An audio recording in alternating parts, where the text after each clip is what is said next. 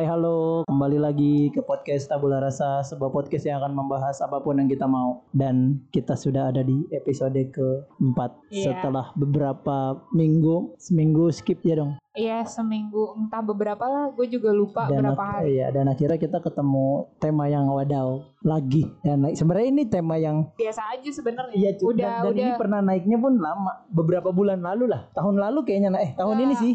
Awal-awal covid waktu itu Iya naik dan sekarang keresahan itu muncul lagi. bukan keresahan jadi kayak pengen ngebahas aja Iya, gitu kan dan Kayak wadaw. pandangan kita gimana Bahas apa kita hari ini Je? jadi sering dengar gak sih kayak ojol dikerjain Ah. terus ada beberapa apa namanya anak-anak artis dikerjain Mm-mm. terus bilangnya ini prank ini prank Just gitu for fun, matamu just for fun kan gitu. ini buat senang-senang aja gitu ya, dan menurut gua itu impactnya positif negatif sih. Positifnya ya tadi just for fun mungkin, tapi negatifnya ya kalian Ah. tahulah apa yang terjadi beberapa waktu belakangan ini gitu. Mungkin kita spesifik kita akan bahas soal prank. Kalau gua pribadi aja, menurut gua prank itu kalau secara definisi adalah kegiatan mengerjain orang atau aktivitas yang mungkin tujuannya semacam komedi tapi dia mengorbankan sebuah objek, sebuah subjek untuk mencapai tujuan tertentu, entah itu positif negatif. Oh jadi ada objek nih Ada yang harus ada dikorban. objeknya baru bisa dibilang prank menurut gua ya. Ya kalau ditanya kalau gue ya Iya, kalau iya. gue ditanya prank itu baik apa enggak menurut gue jelas tidak baik Oke. itu secara pribadi gue tidak ada positif positifnya sama gue ya sama gue nggak tahu nih sama yang lain kan beda-beda cuman kalau menurut gue prank adalah kegiatan yang ya itu atas dasar komedi atas dasar lelucon Yap. tapi harus mengorbankan orang lain jadi harus ada apa ya harus ada orang yang jadi sasarannya Sasaran sasaran tembak dari Sas- jokes ini gitu. iya gitu Nah, tapi kalau kita ngomong-ngomong gini kan kayaknya kita masih gampang gitu soal ini kalau kita ah, ada baiknya kalau kita cari tahu deh kebenarannya. Kalau menurut yang pernah gue baca ya, Je, Hmm. gitu gue salah satu orang yang sangat menyukai komedi.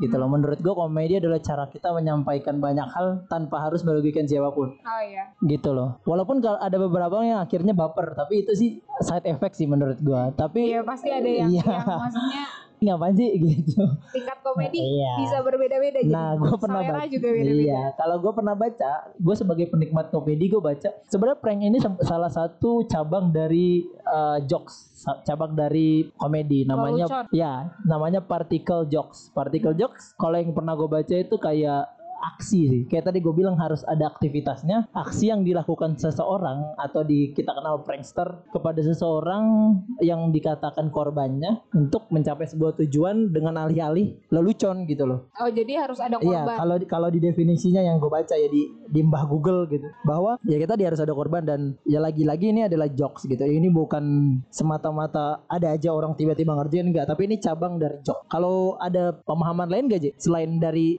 komedinya itu? Iya bener sih, yang gue baca juga si prank ini tuh di Inggris apa di mana ya? Gue lupa di negaranya apa. Juga disebutnya emang particle jokes. Jadi ada praktek, ada kegiatan. Dalam Ada aktivitas di situ. ada aktivitas Nggak bisa verbal doang. nggak bisa iya nggak harus ada ngatain. harus ada harus ada aktivitasnya gitu ya. Si prank ini dalam perjalanannya sebenarnya udah banyak ya, Je. Banyak banget. Salah satu yang paling terkenal di dunia adalah setiap tanggal 1 April, Je. Oh, oh itu gue ini tahu waktu itu baca mungkin. Jadi nggak nggak ini nggak pasti sih sebenarnya. Jadi ada satu artikel yang bilang kemungkinan awal mula prank itu tuh ada di 1 April. April Mop. April Mop. Iya, April Mop. Jadi kayak semua orang tuh ngelakuin apa ya kayak ngerjain orang lah Iya, say- kegiatan gitu. Sebenarnya kayak yang gue pernah baca aja ya. Mungkin nanti koreksi kalau gue salah. Bahwa sebenarnya dulu kita ada perubahan sistem penanggalan. Oh, Jadi iya. penanggalan dari Kaisar A ke B, gue lupa namanya. Bahwa si Kaisar sebelumnya nanggalin eh, tahun baru itu di di, se- Di Maret. Juni. Ya, pokoknya ada tanggal 32 apa gitu.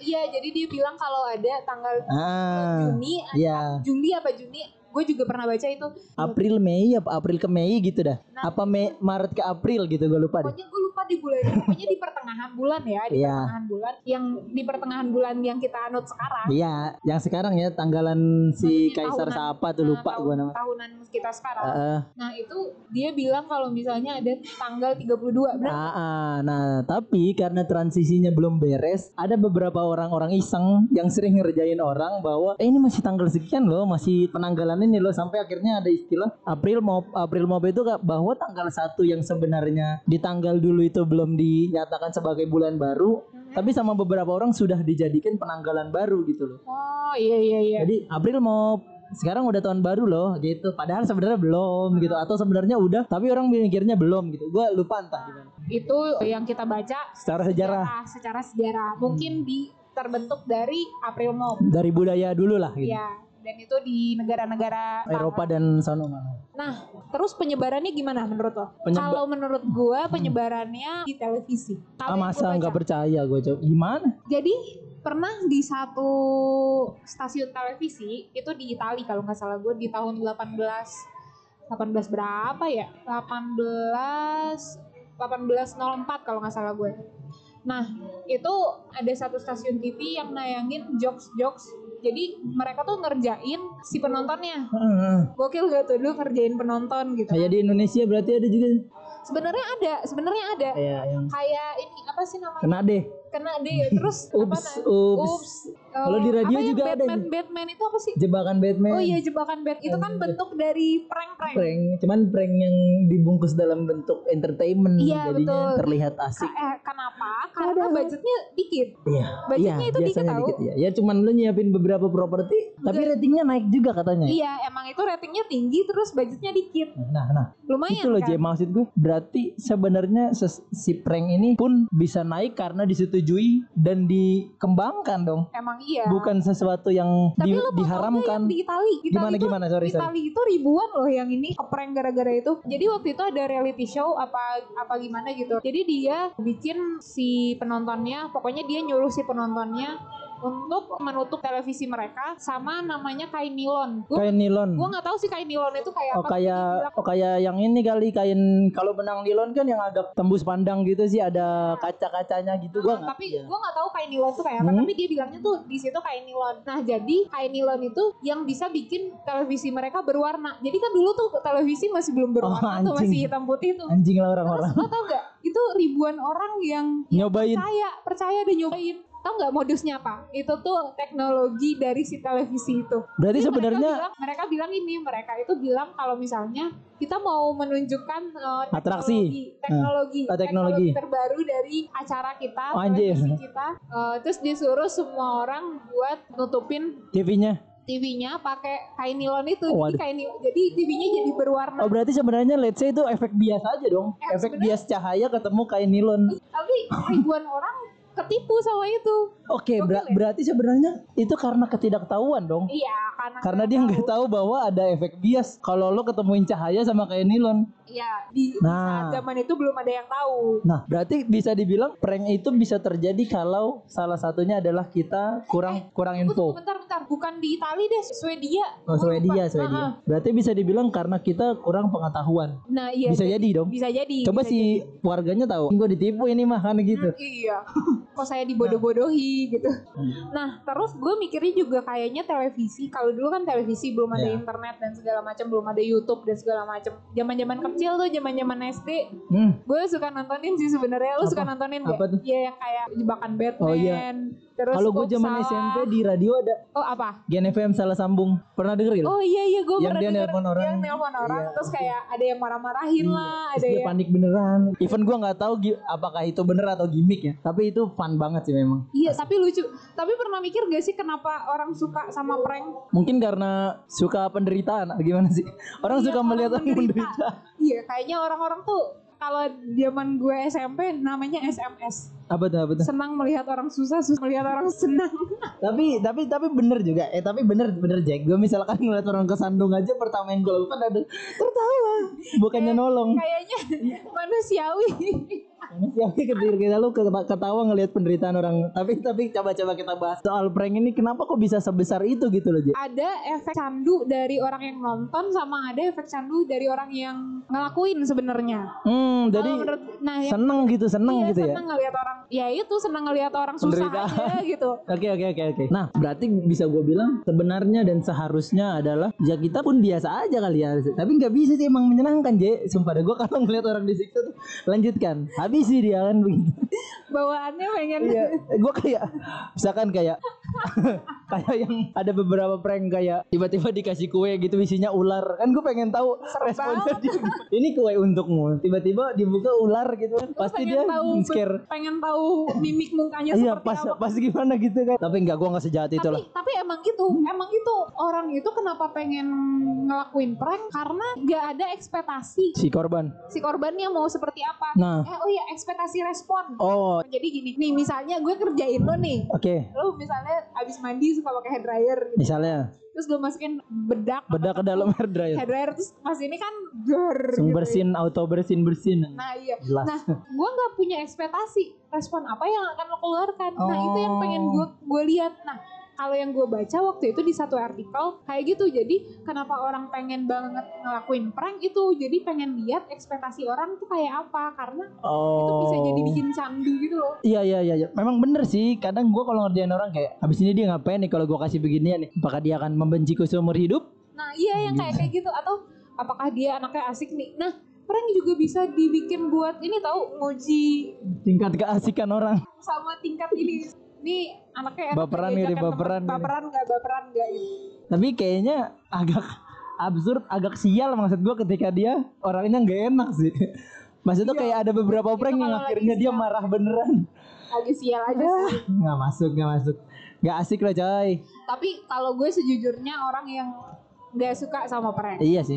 kalau lu lu gimana gua gini gua kayak tadi J gua kayak orang yang akan melakukan apa pun yang orang sudah lakukan sama gua. Hmm. tapi dengan disclaimer dia asik gitu. Loh ya misalkan gua di prank gua mungkin kesel dikit terus gua akan fun juga nih. Nah gua akan membalas dendam sih kayak. Dan dan Ada satu hal dan satu yang dan satu hal yang gue notice adalah lo nggak boleh marah karena lo sudah menyiksa saya sebelumnya kan begitu. Tapi nggak apa-apa. Tapi ya memang bener kata lo sih gondok kadang kalau kayak misalkan kita lagi serius nih dikerjain eh ini bapak lo ketabrak mobil gitu kan. Ah, anjing yang bener lo serius kan. Kita panik beneran gitu loh dengan Iya. Stella. Terus apalagi si pranksternya orangnya jago acting gitu kan dengan mukanya iya gemeteran dengkulnya jantungnya ginjalnya gemeteran. Emang bisa lihat ginjal ya itulah pokoknya. Agak bergerak dikit bawa perutnya kan.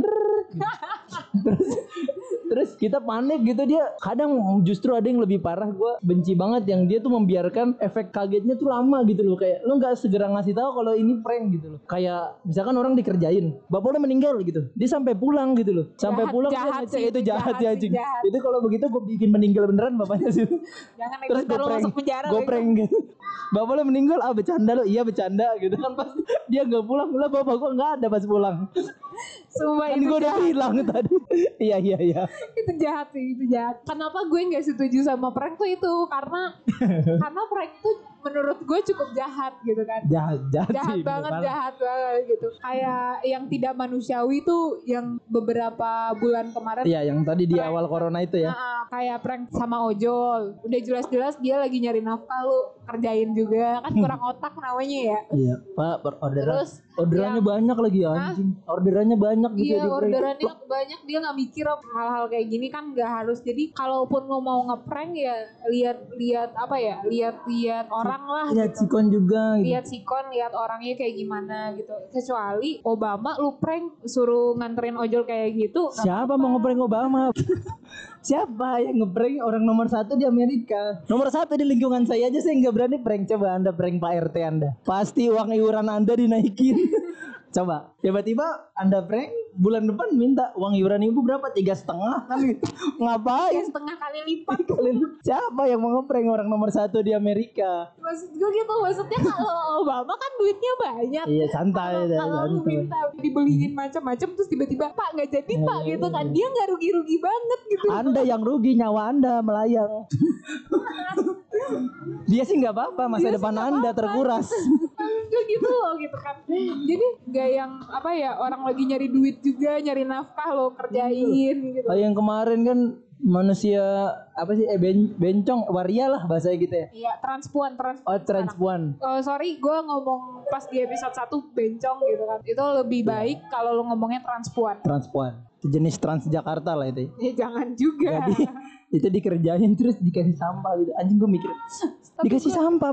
Tapi gue ngeliat muka transpuannya kesel-kesel gitu kocak sih. Iya, tapi sedih, tapi kocak kesel tapi sedih gitu. Iya tapi sedih. Kocak tapi sedih gitu. Anjing. Orang lagi apa ya? Enggak gue tuh kadang mikir itu dia proses berpikirnya gimana ya? Aku melakukan apa hari ini? Aku kasih aja sampah kan gitu. Gabut nih gitu. Anjing, anjing gak jelas. Tapi tapi ada satu hal yang gue soroti dia soal prank. Oh yang prank yang booming soal Iya khususnya transpuan itu. ya? khusus khususnya yang menimpa youtuber itu ya maksud gue satu hal yang jadi concern gue adalah aftermath sih sesuatu yang terjadi setelahnya gitu. Kita Eh, selalu melihat setelahnya. Ya. Oke, yang kasusnya fenomenanya buruk. Tidak ada yang bisa dicontoh, tidak ada yang bisa bi- dibela di sana. Iya. Pure dia salah. Iya Gitu. benar. Benar. bilang- Gue juga setuju dia Hmm, salah. cu- Cuman yang jadi masalah yang tadi gue bilang ya apa yang terjadi setelahnya itu cukup mengagetkan gue gitu. Memprihatinkan sih menurut gue. Soal social effect ya, social effect Iya. lah kita bilang side effect dari bad bad habitnya dia ini. Side effectnya justru lebih bad dari habitnya dia menurut gue. Gimana Gitu, tuh? maksud gue kayak ketika orang let's say pertama di YouTube-nya dia lah. Gue coba baca di komen-komen di YouTube-nya dan itu gor bang gor banget sih coy. Kayak berikan dia kepada ikan hiu apa sih gitu loh. Hukumannya serem banget. Hukum mati aja gitu. jadi jadi apa ya jadi malah barbar banget Lebih barbar dari kelakuan dia gitu. iya sih gue gue netizen yang tidak berkomentar tapi Nah. demen baca komentar Ya, gitu kan. dan lu baca itu. dan gue juga ngeliatnya juga juga serem banget gitu kayak Gor-gor jadi kayak apa ya jadi kayak tidak manusiawi lagi Hmm. hukumannya gitu masa Dan kita jadi lebih jadi kita jadi lebih tahu hukum daripada orang hukum malah kadang. iya iya betul gitu kan bukan berarti apa yang dia lakukan tuh baik atau gue nggak tahu kadar kadar kesalahan dia seperti apa gitu Iya, betul. Cuman hukuman yang diberikan orang maksudnya saran hukuman yang diberikan orang-orang di komentar serem. malah lebih serem dibandingkan kesalahannya dia Iya coy, maksud gua kayak gimana gitu loh lu bisa kepikiran untuk memberikan dia kepada ikan hiu gitu loh. serem banget terus cuman gara-gara ngeprank ngeprank dihukum mati kan gak lucu jawabannya ntar di kuburan Kamu kenapa mati? Ngeprank pak lah. Kamu ke sini mati karena ngeprank itu ngeprank saya kata malaikat. Nambah-nambahin kerjaan, Udah balik lagi kan. iya nyusahin nambahin kerjaan di buku habis nih Iya, iya. Dan dan menurut gua serem gitu kayak ada yang bilang "Eh, harusnya dia di dikasih makan sampah aja ya ampun. jadi lu jahat apa, banget men gila. malah jadi menebar eh, kebencian-kebencian Baru Iya, jadi nebar kebencian-kebencian baru setelahnya gitu. Setahu gue seharusnya kalau yang pernah gue baca ya di kitab hukum pidana dia akan kena seharusnya ya kayak kasus kayak oke undang-undang ITE pasti. Iya. Yang kedua gue pernah baca bahwa ada undang-undang merusak ketertiban umum. Oh iya, Ya dia kan ngerusak sosi- society kayak society itu jadi kayak motsuas gitu kayak merdesir gitu berdesir gitu. pokoknya anjing anjing anjing kan gitu kan iya. Nah dan itu ada hukumannya setahu gua penjara kurungan bulan dan denda sekian ratus ribu gitu loh. Mungkin dia beratnya akan kena di ITE gitu loh. Dan Iya. Kemarin yang gue baca beberapa bulan dia sudah keluar malah. Oh gitu. Sudah rilis dari Gue udah gak ngikutin Iya, karena soalnya. karena karena apa, J? Karena ini ini yang harusnya netizen harus tahu ya. Dia tuh lu- keluar karena apa? Karena transpuannya memaafkan dia. Sesimpel Orang yang ya. dikerjain aja memaafkan dia, Anda Gimana? netizen. gak dia apa-apain ya Iya. sama dia cuma nonton doang. Iya loh. Gue baca kenapa dia rilis dari penjara karena transpuannya maafin dia dan dia cuman transpuannya cuman bilang lo jangan ulang lagi udah segitu kayak karena gue yakin setiap orang akan menilai mendapat apa pun sesuai dengan perbuatannya gitu loh Iya iya iya. even lo dapet penjara di sini is not the ending gitu loh maksud gue akan ada sesuatu yang lo terima nantinya Iya bener sih. Netizen itu uh geje gue kadang Gue gak nyalahin, maksudnya gak nyalahin semua netizen. Iya Ada beberapa nih Oknum, mulut-mulutnya. Oknum-oknum yang mulutnya wah luar biasa. Iya. Ketika lo bilang dasar lo si F ini kan F inisialnya ya sampah lo menurut gue lo lebih sampah dari dia ketika lo berkata itu gitu. Harusnya gimana ya? Gue bukan bilang harusnya ya. Tapi kayak Baiknya lah. baiknya lo harus melihat ini tuh seberat apa gitu. Hmm, hmm, hmm. Efeknya seperti apa? Mungkin efeknya jadi kayak lu tidak menghormati, tidak Iya, menghargai. Betul. terus tidak apa ya maksudnya jadi melecehkan orang lain gitu kan Ya kalau mas kalau pada kejadian itu sih gue setuju ada banyak hal yang dilanggar sih Karena kayak gini kalaupun dibiarkan si si prankster ini jadi tidak belajar dari kesalahannya iya, betul. gitu kan dan ada prankster lain yang akan memaklumi kayak Nah, kemarin kita bilang iya ada pemakluman yang tidak perlu gitu. nah jadi ada yang ya biasalah ini ini seru kok ini seru Just kita for fun. lakuin kita lakuin jadi nambah orangnya nanti kan Jadi makin banyak sampah yang digunakan nanti. Apa pekerjaan dinas kebersihan?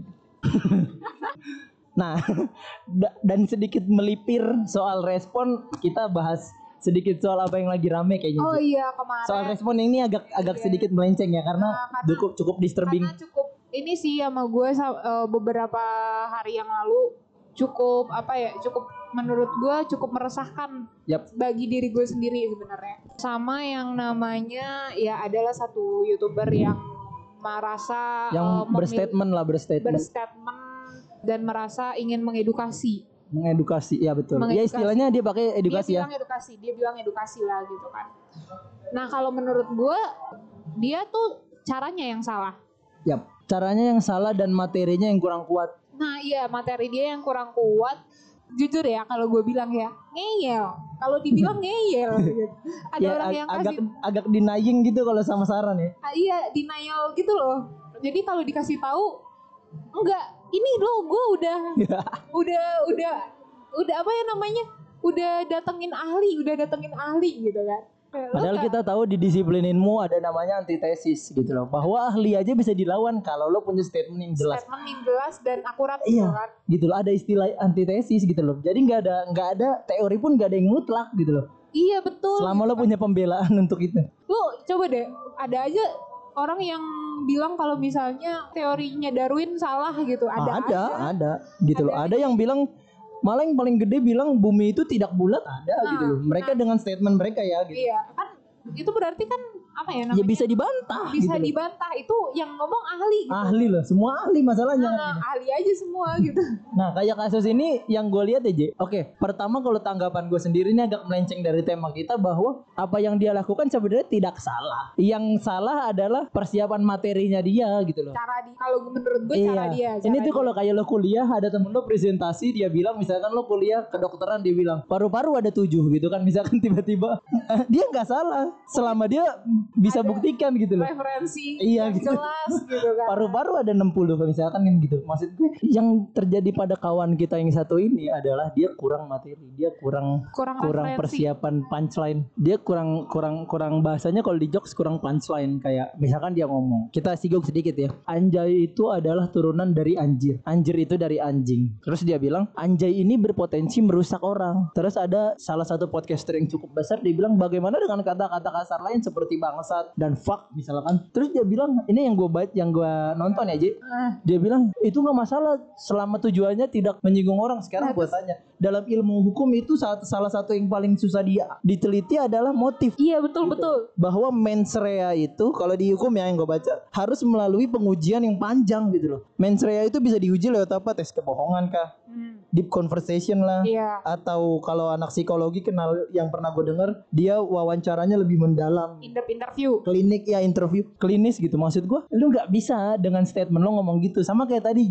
istilah yang gue bilang tiba-tiba ada mahasiswa kedokteran bilang paru-paru ada tujuh. Tiba-tiba nih gue yakin pasti ada mas mahasiswa di belakang bangku belakang bilang dari mana lo dapat statement itu? Ya nggak iya betul. Dari mana? Siapa ahlinya? Siapa yang membawa itu? Kan di jurnal mana tahun- yang lo nah, iya. pakai? Malah waktu skripsi gue dibilang sampai dosen gue bilang harus teorinya harus 10 tahun ke belakang lebih muda. Biar Mam- update. Biar update. Maksud gue kayak kasusnya si teman kita ini ada lo lo cuman nih ya gue kasih tahu mungkin buat gue yakin yang bikin rame ini sebenarnya bukan orang-orang yang concern sama apa yang terjadi pada Anjay ini tapi dia menurut gue mereka concern sama efeknya aja gitu loh. Iya, tapi kalau iya. gue menyoroti statementnya dia gitu loh. Nah yang kedua adalah soal responnya tadi J itu responnya tadi agak berlebihan menurut gue sih Hmm. Iya. ketika orang gue mau bilang kalau misalnya nih kalau ke dianya gue cuma mau bilang kata-kata itu netral yap anjing bisa jadi salah yap sesuai dengan maknanya iya peruntukannya peruntukannya iya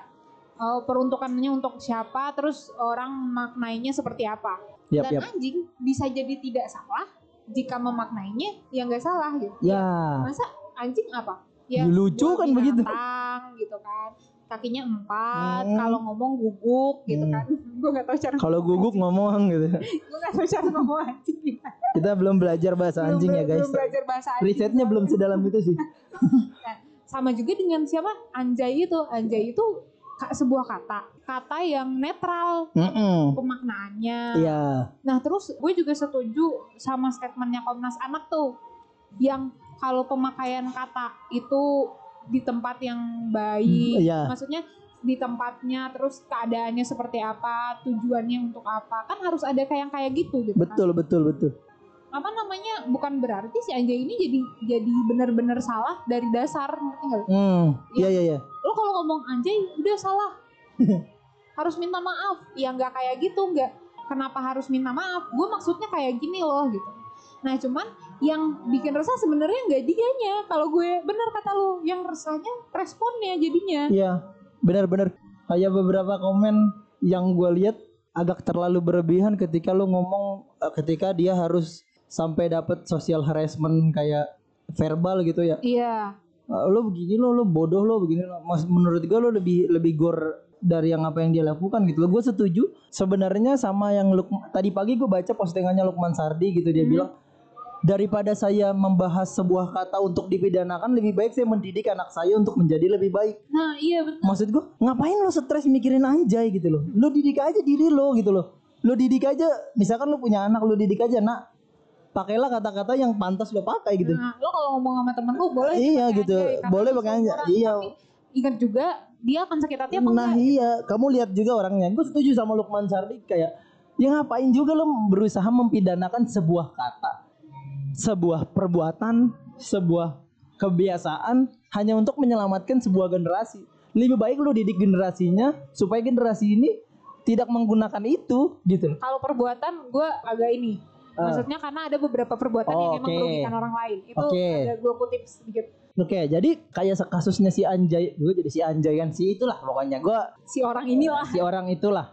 Menurut gue ya dia dia nggak salah sebenarnya. Dia cuman kalau bahasa gue bilang lo cuman kurang nongkrong bro. Misalkan lo denger nih lo kurang nongkrong lo kurang banyak Referensi. iya lo kurang banyak baca. Menurut gue kurang me- banyak memahami persepsi orang. Iya, lo kalau datang ke tongkrongan, lo jangan cuman say hello terus pergi, jangan. Lo nongkrong aja setengah jam, satu jam, lo dengerin. Gua adalah orang yang lahir membangun persepsi gua salah satunya dari tongkrongan. Iya, Dan iya. tongkrongan itu membangun persepsi gue bahwa rasisme itu sebenarnya tidak menjadi rasisme selama lo menganggap itu sebuah jokes, sebuah keakraban. Sama kayak beberapa teman kita di tongkrongan kayak gue orang Batak terus temen gue manggil, eh Batak, apakah gue tersinggung enggak? lah emang orang Dia memang gue Batak gitu loh. Terus gimana dong iya, kayak jokes jokes masa tiba-tiba berubah jadi orang Jawa tidak, aku orang Jawa kan nggak mungkin muka gue juga maka pemakan babi kan begitu maksud gue tidak bisa gitu loh maksud gue. Jadi coba lah lo nongkrong, lo baca gitu. Kalau gue suka, gue su gue sangat bangga ketika lo dengan bangga meletakkan SPS lo sebagai sarjana psikologi. Berarti lo bangga dengan itu. SPSI SPSI SPSI gitu loh maksud gua berarti lo bangga dengan itu setidaknya kebanggaan lo dengan itu coba lo tunjukkan iya coba lo tunjukkan dengan tingginya melek informasi lo gitu loh. Lo coba gali terus baca. Ada banyak buku di dunia ini yang mengajarkan banyak hal gitu yang bisa bikin lo lebih fresh lah pikiran lo. Ya sama gini sih kalau mau berstatement di publik gue gue tahu dia cukup apa ya maksudnya orang publik lah maksudnya orang yang ya punya bersosial fans punya fans dan segala macam. Ya ya public Oh, figure. ya public figure. Oh iya Orang lupa publik. gue. Bersih jalanan juga orang publik. Ya maaf pak maaf saya salah gitu. Public figure lah gitu kan. Mikir dua kali Yap. sama mikir apa yang yang setelahnya akan terjadi gitu Ya. kan. Jangan sampai statement lu apa yang keluar dari mulut lu bisa merugikan orang lain. Karena ada beberapa orang yang jadi dirugikan. Misalnya contohnya nih contohnya kayak teman-teman lo dulu yang sebenarnya nggak ada hubungan apa-apa sama lo. Jadi dia kena aja gitu. Jadi di orang oh itu temen lo? Dasar goblok banget. Ada lo yang kayak gitu. Jadi jadi kayak merasa direndahkan karena ulah lu gitu loh. Padahal sebenarnya nih orang pintar-pintar aja maksudnya berdedikasi tinggi sama pekerjaannya atau Iya iya. orangnya pinter IPK sempurna gue nggak ngerti lah ya terus Dan faktanya lagi ada orang-orang yang mencoba membawa alma mater gitu loh. nah iya Dasar gitu. lo lulusan ini.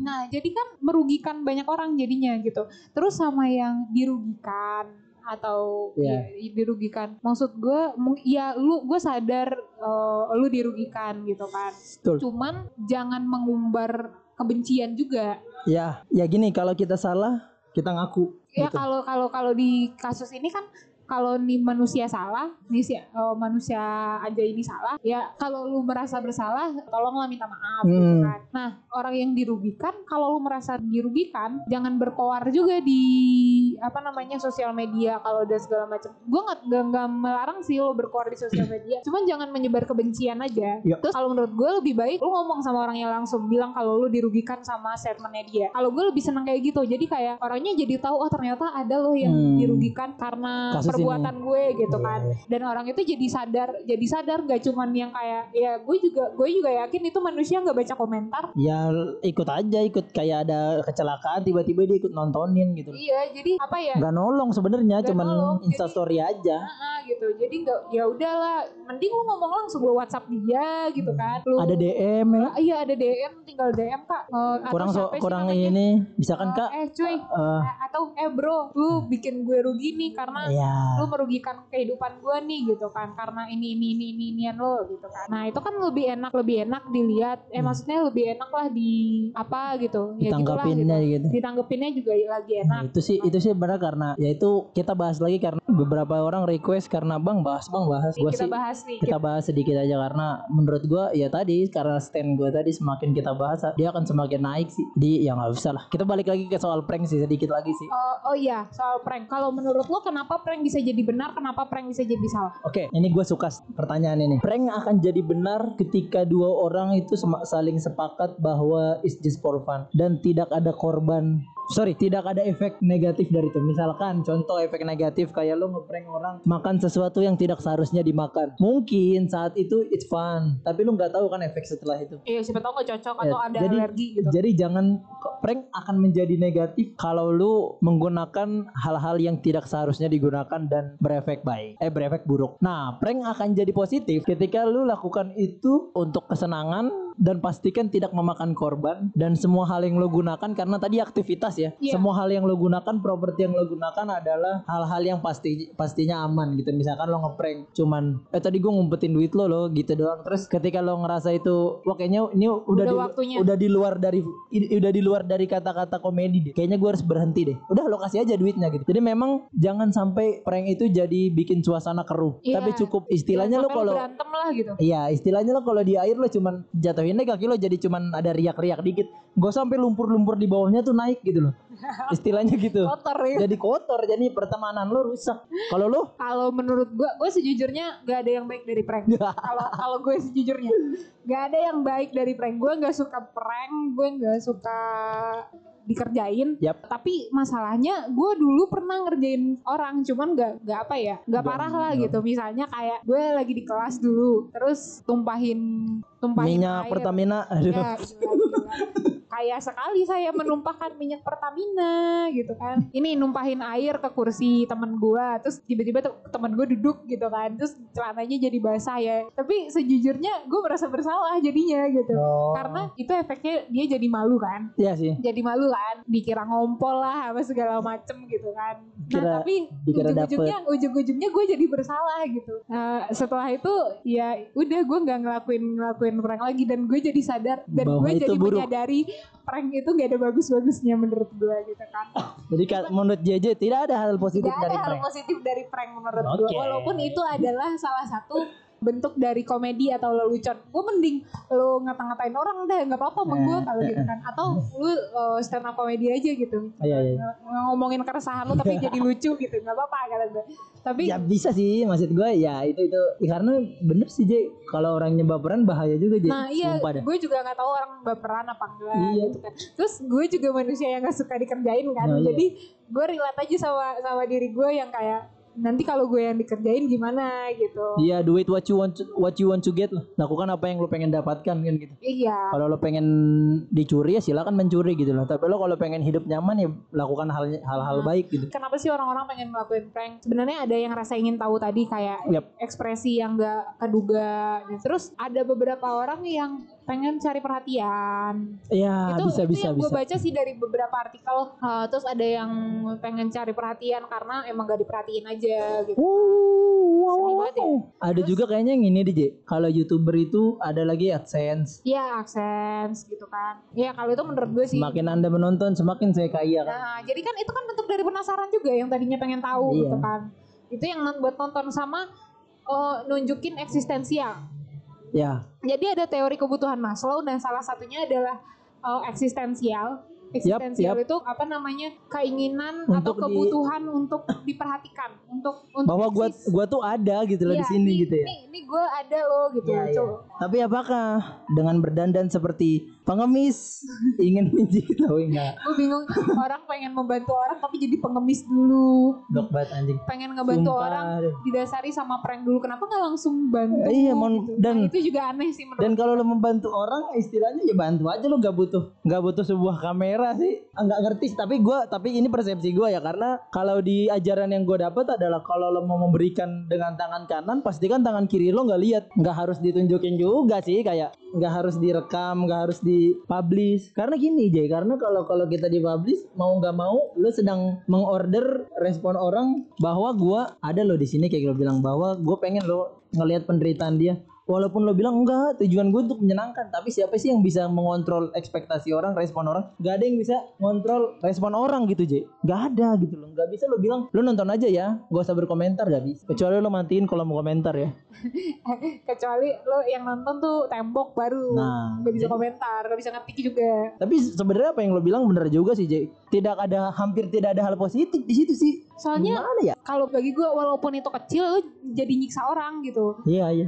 orang tuh pas udah di prank pasti gak ada orang yang pengen di prank gitu walaupun ada, sebenarnya itu hal sepele gitu sesimpel lo nyembunyiin HP aja gitu The real prank ya, bukan yang settingan ya. iya The real prank iya ya. yang real Tapi kalau prank, yang settingan itu kan gimmick. itu beda lagi entertainment, itu. kebutuhan Itu- entertainment kan. itu terserah lah itu kebutuhan entertain kan tapi kalau yang benar-benar prank itu hampir nggak ada, Nggak ada. yang benar-benar orang tuh senang di prank gitu gak ada paling sesimpel ini deh lu nyembunyiin HP temen Iya, lu buat Pasti iseng. jadi temen lu jadi panik kan Parah. dan terus kita liatin mukanya dia panik dan segala macem gitu ya dia yang sebagai kehilangan handphone itu tuh gak enak gak enak, enak, banget parah. rasanya gak Parah. enak banget rasanya gitu kan dan kita sebagai seseorang prankster harus siap one day kita akan di prank iya You gitu. jadi know. ada ada apa namanya eh, efek domino. ada ef- efek domino. Jadinya nanti lo bakal di prank juga gitu. Makanya kenapa gue nggak setuju sama prank? Karena gue nggak suka di prank nah dan nggak tahu ini opini kita pribadi bahwa prank itu seharusnya ditempatkan pada tempat yang seharusnya J ya nggak J jangan Iya. jangan lo jangan ada satu fenomena lo langsung hajar aja hajar aja. Jangan apa apa lagi rame lo hajar aja. Jangan Iya, lo pikirin dulu lah men gitu. Itu sih kalau dari kita sih. Nah gue pengen nanya sesuatu.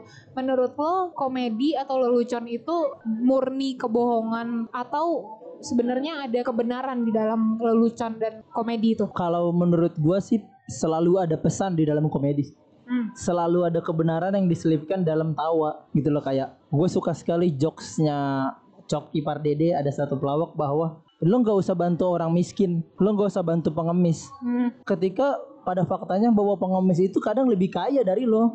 Di kampung dia punya rumah yang lebih besar dari lo gitu. Lu sekarang naik MRT doang. Iya Dia ternyata iya. udah punya mobil. Aku akan membantu orang miskin. Orang miskin punya mobil dua bangsat di kampung kan begitu. Jadi itu jokes jokes kayak gitu yang ada kebenarannya sih hmm, Iya iya iya. kayak ada statementnya si Coki Pardede bilang komedian itu have supposed to be funny, not supposed to be right Iya gitu loh. Dan gue percaya bahwa sebenarnya kalau lo- kita jujur di setiap jokes selalu ada kebenaran. Gue suka banget sama Bolot. Bolot itu dia tuh lo lo perhatiin gimmicknya itu dia selalu jadi seorang pejabat hmm. terus dia tuli. Lo tahu artinya apa? Bahwa pejabat kita itu Tulis hampir tidak pernah mendengar kita gitu. ngomongnya perwakilan rakyat Oh perwakilan, rakyat. Iya. Tapi tidak pernah tidak pernah mendengar rakyat gitu loh. Maksud gua ada jok ada pelawak lawakan-lawakan seperti itu yang menyimpan kebenaran di dalamnya gitu loh. Kayak Sri Mulat dulu kan gitu. Nih gue juga suka statement eh, Sigmund Freud Oke. yang bilang kalau misalnya lelucon adalah kebenaran yang terbungkus tawa. Right. Jadi Benar. eh, lelucon itu adalah humor-humor yang sebenarnya ada unsur kesengajaan dari eh, Diciptakan da- gitu. iya, dari pelampiasan emosi-emosi. Misalnya nih stand up comedy deh. Hmm, hmm, kayak stand up comedy ya pasti udah pada tahu lah stand up comedy itu apaan gitu kan. Mereka kan komedi mereka berawal dari keresahan Keresahan mereka, betul. gitu kan ada yang misalnya ada gendut ada yang dulunya miskin atau Hmm. ada yang sorry maaf disabilitas gitu Iya. kan nah mereka itu Iya sorry sorry eh, kayak yang disabilitas tuh kayak ada Dani siapa namanya dia lucu Iya, banget pernah iya, ngelawak itu. gini J. Lo seharusnya nggak usah kasihan sama orang orang disabilitas. Lo kasihan sama orang miskin karena nggak semua disabilitas miskin. Bener juga gue bilang. gua punya mobil kata dia gitu kan. Iya. Ngapain lu kasihan sama gua? Kasihan sama diri lu sendiri kata dia gitu. Gua di roasting sama orang disabilitas. Nah, maksud gue gitu, ada yang misalnya dulunya emang gak berada gitu kan. Yap. Nah, itu kan sebuah apa ya namanya sebuah pelampiasan emosi yang pengen mereka Dan itu kebenaran. Nah, dan itu sebuah kebenaran yang dilucukan gitu loh. Iya. Dan kembali lagi ke prank ini sih seharusnya prank pun karena dia cabang sebuah komedi tujuannya harusnya dia harusnya punya esensi itu sih Iya, harapan fun gitu. Iya, ada esensi-esensi kayak misalkan Tapi tetap gue tetap tidak. misalkan misalkan nih J, ada orang ngerjain eh, orang naruh handphonenya cuman dipindahin beberapa meter dari dia. Mungkin Ah. esensi dari situ adalah coba lo lebih teliti deh Nah, dalam iya. hidup. Mungkin, mungkin, mungkin esensinya yang bisa lo tampilkan atau lo ngerjain orang tiba-tiba panik. Terus ada esensinya bilang coba lo lebih tenang deh jadi orang. Ada nggak sih orang-orang yang panik langsung lupa segalanya kan gitu. Iya, iya, mungkin Tapi gitu sih. kayak gitu sih. Iya, tapi karena Oh iya, mungkin juga ya. ya Gue kan gitu maksudnya maksudnya gue baru memahami. kayak Iwake dari beberapa dari beberapa hari kemarin tuh gue baca bahwa eh, seharusnya setiap hal itu di dibarengi esensi. Event itu sebuah sensasi. Jadi kalau lo bikin sensasi lo punya harus punya esensinya di dalam. Eh, Iya. lo ngerjain orang tujuannya apa? Kayak dulu J kalau orang cikukan itu cara ngilanginnya gimana? Minum. dibohongin. Lo punya temen lo cikukan lo bohongin dah hilang cikukannya. Emang Eh, gitu? iya coba. Emang Misalkan orang cikukannya ah, lo bohongin. Eh tadi duit lo gue hilangin 3 juta. Tapi harus meyakinkan ya hilang cikukannya Emang iya. coba aja besok ke temen Soalnya, soalnya Itu esensi dari cegukan, prank. kalau gue cegukan, minum doang. minum tiga galon kalau gak hilang meledak perut anda cikukan. Nih nih buat lo pendengar ya. Kalau lo punya temen lo yang cikukannya parah banget apalagi yang yang satu menit bisa berapa kali tuh kan ada itu sampai Iya. menyiksa. Lo bohongin coba. Kayak misalkan itu kan prank. Gue dulu waktu kecil sama bokap gue diginin kita nggak jadi jalan-jalan kamu bandel gitu. Itu gue cikukan ya. Cikukan gue hilang Ji. Serius. terus habis hilang dia ketawa. Tapi gue baru dengar, gue baru Iya. dengar serius. Ini adalah efek denger. psikologis yang gue pelajari ya. Waktu kecil dan waktu begitu gue dewasa gue coba belajar. Oh iya kalau cikukan itu kan pernapasan. Cara balikinnya apa? Lo kejutkan aja. Balik dia Oh, Begitu oh, caranya. Gitu. Gue jadi baru prank itu esensinya tuh sebenarnya kalau mau lihat positifnya banyak gue gak tapi jangan sampai Gue selalu melihatnya negatif soalnya. tapi jangan sampai memakan korban Iya, gitu merugikan lah. merugikan orang sih itu sih kalau dari kita nah jadi Sumpah, tahu sih gue baru goblok tahu sumpah tentang cegukan terus nongkrong sama gue nggak pernah nanya loh soal gue tuh banyak Eh, tahu kita oh, gak pernah bahas soal cegukan dan prank ya. Oh, ini baru dibahas ini. Ah, gue omelin juga. jadi jadi kalau soal prank sih pesan pesan kalau gua pribadi adalah lakukanlah segala sesuatu dengan esensi gitu. Jangan sampai perbuatan lu cuman untuk ketawa doang gitu loh. Ketawa pun harus ada fungsinya. Kalau nggak bisa ngilangin stres jangan berpikir ngilangin duit orang gitu. Cukup stres aja yang dihilangin jangan ngilangin mood orang gitu loh susah bu nyari Iya. duit. Pak hari ini nyari duit lagi susah. jadi gitu kalau lu J pesan Kalau terakhir gue- soal prank gue nggak tahu sampai sekarang baru sedikit hal positif setelah obrolan Nah, Oke, ini. setelah cikukan setelah setelah obrolan ini hanya sedikit yang gue dapat positif dari prank. Cuman kalaupun emang lo mau ngelakuin prank, tetap yang safety, yang Yap. aman, Yap. Eh, sama jangan merugikan orang lain, jangan Yeah. membahayakan orang lain. Menurut gue kalau Yeah. pengen tetap pengen ngelakuin prank ya. Sama kalau misalnya orangnya nggak suka, lo harus minta maaf. Itu hal penting menurut gue. let's say terus lihat orangnya juga Iya. Apa kalau kalau dia tipe yang sikutnya dicium aja langsung benci sama lo, jangan. Sikut itu berbahaya loh teman-teman. coba sikut Anda Anda pentokan ke meja, ada setrum pasti coba deh. Atau kopinya ditoel, Di parah toel gitu. Eh, tapi Jangan, jangan. Bener loh, di tempat gua waktu itu di kampung gua kalau misalnya kupingnya ditowel itu berarti menghina orang. Siapa pemuka adat mana yang berpikir menolak kuping? Hei, pemuka adat TJJ. Enggak, enggak berani saya. Serius. Enggak, enggak. Tapi beneran, jadi apalagi cowok ya kalau misalnya lagi apa namanya Menoel kupingnya kuping. ditoel Eh coba yang bahas anjay bahas ini supaya naik. Anda yang bahas anjay bahas apakah menoel kuping termasuk pidana? tapi beneran Iya tapi iya. beneran Tapi memang kadang ada aneh-aneh sih. adat kan suka Iya. suka ada hal yang Ah, coba ntar gue ntar ke kampung, ke kampung lu Ji. Gue toel-toelin kuping semua aja. dihajar masa Masuk penjara gue, masa. lu nggak akan masuk penjara Itu noel kuping setara mencuri. bukan ego Kenapa? lu kayak Kenapa? merendahkan ini oh, Ibu, kenapa saya masuk penjara? Kamu menoel kuping. Gak maksudnya itu lo merendahkan diri orang lain itu maksud Diri siapa? Harga diri siapa yang ditaruh di kuping? juga gak tahu Enggak masuk. Enggak. itu maksud maksudnya itu eh, artinya kalau lu noel kuping orang gitu loh Anjing kocak. Anjing ngakak kasih goblok. kayak gue tuh selalu kaget sama heran sama gue tuh di keluarga aja ya gue tuh nggak pernah manggil sebut kakak dan abang gue dengan panggilan kakak dan abang gue panggil aja namanya gitu durhaka. Dan di rumah gue begitu. Justru gue heran ketika ada orang yang diomelin gara-gara manggil nama kakaknya. Kenapa emang? Apakah dengan menyebut namanya kamu pasti masuk neraka kan? Enggak entah ya jadi kan gini kan gini kemarin gue abis nonton film terus eh, omongannya kayak gini surga surga aja belum tentu buat saya gimana saya harus mengurusi neraka anda neraka cuman ada di film-film enggak enggak ada beneran lu lu di kick ya gue dari agama ntar Neraka itu kalau siang-siang buka cabang deh. Panas banget heran gue apalagi hari ini.